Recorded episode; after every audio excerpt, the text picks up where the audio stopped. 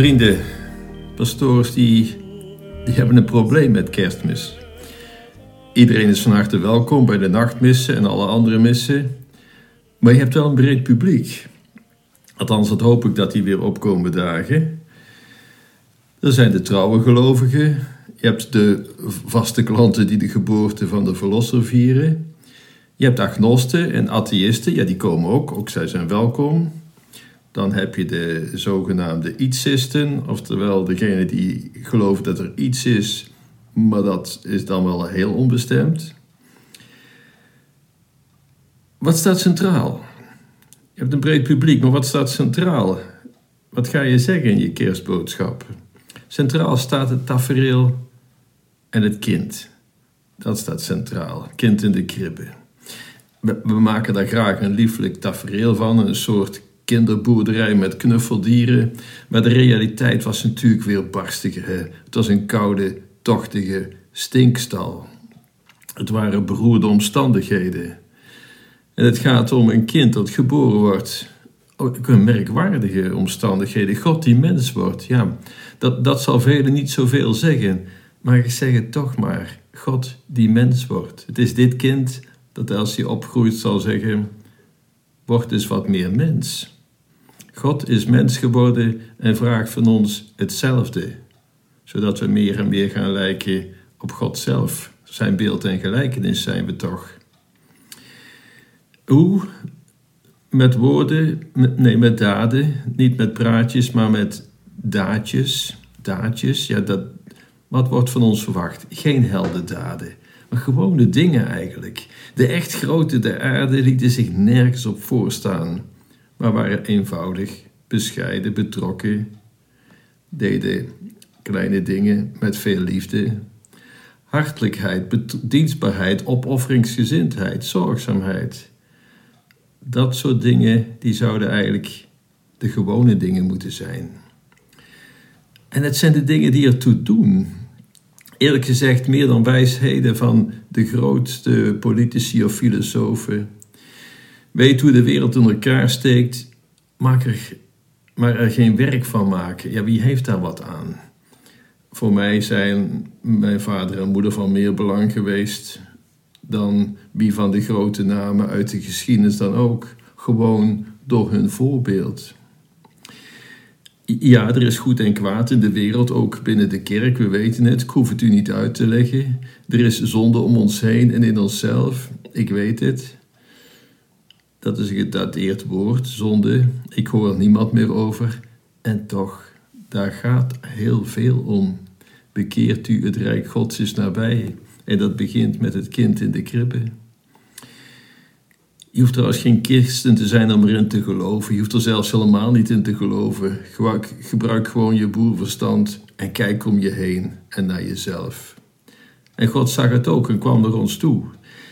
Nee, niet om het ons in te peperen, om te laten zien dat er een uitweg is, dat het anders kan, dat het kan van de wereld Gods wereld maken door geloof, hoop en liefde. En dat kind vraagt ons eenvoudigweg: doe iets aan die wereld. Laat niet aan anderen over wat je zelf kunt doen, want anders blijft alles zoals het is. Hij zegt niet: verbeter de wereld, begin bij jezelf, ook al zal hij dat van harte aanbevelen.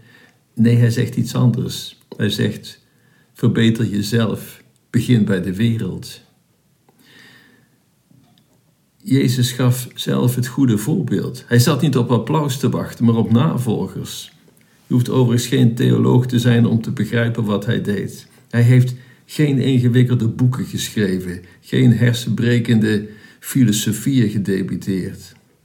Hij heeft een volstrekt zuiver leven geleefd. Heeft anderen niets opgelegd, maar een superieur voorbeeld gesteld. Een voorbeeld dat navolgenswaardig is. Maar doe het maar eens. Je moet een voortdurende strijd voeren in jezelf. Altruïsme is, is mooi, maar de geneigdheid tot egoïsme is onloochenbaar. Het is verleidelijk om allemans vriend te zijn en mensen naar de mond te praten. Het is prettiger om van jezelf te denken dat je een goed mens bent en er dus niks aan jou hoeft te veranderen dan nederig in de leer te gaan bij anderen en je eigen beperkingen onder ogen zien. Dat is een stuk lastiger. Jezus mag dan wel niks opdringen. Als je hem wilt volgen, is hij wel veel eisend. Even terug naar het begin, het kersttafereel. Is dat idylle? Is dat realiteit? Je, hebt wel eens dat alles samenvalt. Dat alles klopt. Dat het op een gegeven moment, ja, op, je hebt van die momenten soms, alles komt bij elkaar en het klopt allemaal. Om maar onnozel in mijn voetbalwereldje te blijven. Soms zie je dat wel eens bij een bepaalde actie of, of doelpunt. Zo'n moment waarop Messi die anderen meeneemt. En momenten van Messi waarop waarnemen, denken, interpreteren en handelen instinctief samenballen tot één gecoördineerde actie waar alles klopt. Op zo'n moment komt al die training, ervaring en talent bij elkaar. Het kersttafereel is voor mij zo'n nou ja, doelpuntmoment in mijn geloof. Engelen die zingen, ruige herders die neerknielen voor een baby. Drie rijke, statige vreemdelingen die een barre tocht over hebben om een kind te vinden. Koning Herodes die concurrentie verwacht van een zuigeling en het daarom wil vermoorden. Hoe wonderlijk en merkwaardig het tafereel mag lijken, op een of andere manier lijkt alles te kloppen en zeg ik: Het is mooi, het is waar. Hier is God echt aanwezig. Hij is heel dicht bij ons. Zulke momenten zijn er niet zo heel vaak. Hè? Bij veel missen merk je dat lang niet alles in elkaar klikt en klopt. En zie ik nauwelijks nog de schoonheid van het geloof. Het is meer uitzondering dan regel. Bij, bij voetbal is dat trouwens niet anders. In sommige wedstrijden van Barcelona zie je waar voetbal om te doen is. Maar hoeveel wedstrijden zijn het aanzien niet waard? Je kunt het ook niet plannen. Hoe hard voetballers ook trainen, het is altijd afwachten, afwachten op hoe het uitpakt op het veld. In het geloof is het ook een beetje zo. Althans, zo gaat het mij. Je kunt iets zorgvuldig voorbereiden. Is altijd afwachten of er een hemelse straal opvalt. Maar het kersttafereel geeft me elk jaar hoop dat het weer goed komt, want daar valt alles samen. Ik bedoel, het is zo totaal anders dan die, die onnozele Amerikaanse uitvinding, die kerstman die we in deze tijd eh, onvermijdelijk tegenkomen. En dat is leuk of niet, maar er valt helemaal niks samen. Het is niet voor niks dat Jezus een kerk heeft en die kerstman niet. Soms, soms ben ik bang dat Jezus het niet haalt in deze wereld. Soms ben ik bang dat God zal zeggen: Ik had beter moeten weten. Mensen waarheid leren is waanzin. En mijn kerk toevertrouwen aan mensen, dat is vragen om problemen. En toch, en toch, ik zie mensen die in Gods geest leven. Ik zie mensen die in het voetspoor van Jezus gaan en licht verspreiden. Naast de brutalen en de schurken zijn zij er ook. Ze halen het nieuws niet, want zij zijn als verborgen zaad. Een kerstman, een sneeuwman of elfjes, ja, die kunnen dit niet bewerkstelligen. God wel. En kijk eens hoe dan toch waar is. Vrede op aarde, want die mensen bewerkstelligen vrede om zich heen en keren dingen ten goede. Bekijk het eens van die kant. Zalig kerstmis, beste mensen. Zalig kerstmis, u allen. Ik hoop dat Gods aanwezigheid merkbaar wordt. Hij heeft het zo goed met u voor. Weet dat.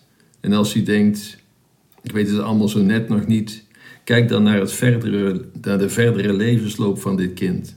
Probeer er naar te kijken zoals een kind, onbevangen, zonder vooroordelen. Ga met hem mee, zoals moeder Teresa, zoals zoveel onbekenden, gewone huisvaders of oma's, ja ook onder ons. Dan geef je eer aan God en breng je vrede onder de mensen, zoals de engel beloofde. En ik hoop dat u die vrede mag verspreiden en ondervinden. Nee, God heeft ons niet opgegeven. En dat is het fraaie van kerstmis. Zalig kerstmis voor u allen.